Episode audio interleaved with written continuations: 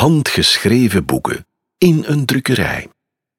In de uitgebreide privébibliotheek van de drukkersfamilie Plantijn en Moretus vinden we inderdaad ook manuscripten. Drukker Christoffel Plantijn en de eerste generaties na hem kopen die omdat ze voor hen bruikbaar zijn. Ze bevatten teksten die zij willen drukken en uitgeven, bijvoorbeeld van Griekse en Romeinse auteurs. Latere generaties Moretussen zijn echte verzamelaars. Ze leggen een collectie mooie handschriften aan, zoals bijbels en boeken met gebeden. Kijk vooral ook naar de prachtige miniaturen. Sommige van de allermooiste handschriften zijn gemaakt in een tijd toen de boekdrukkunst al bestond. De huidige collectie van het museum telt meer dan 600 stuks, van de 9e tot de 18e eeuw.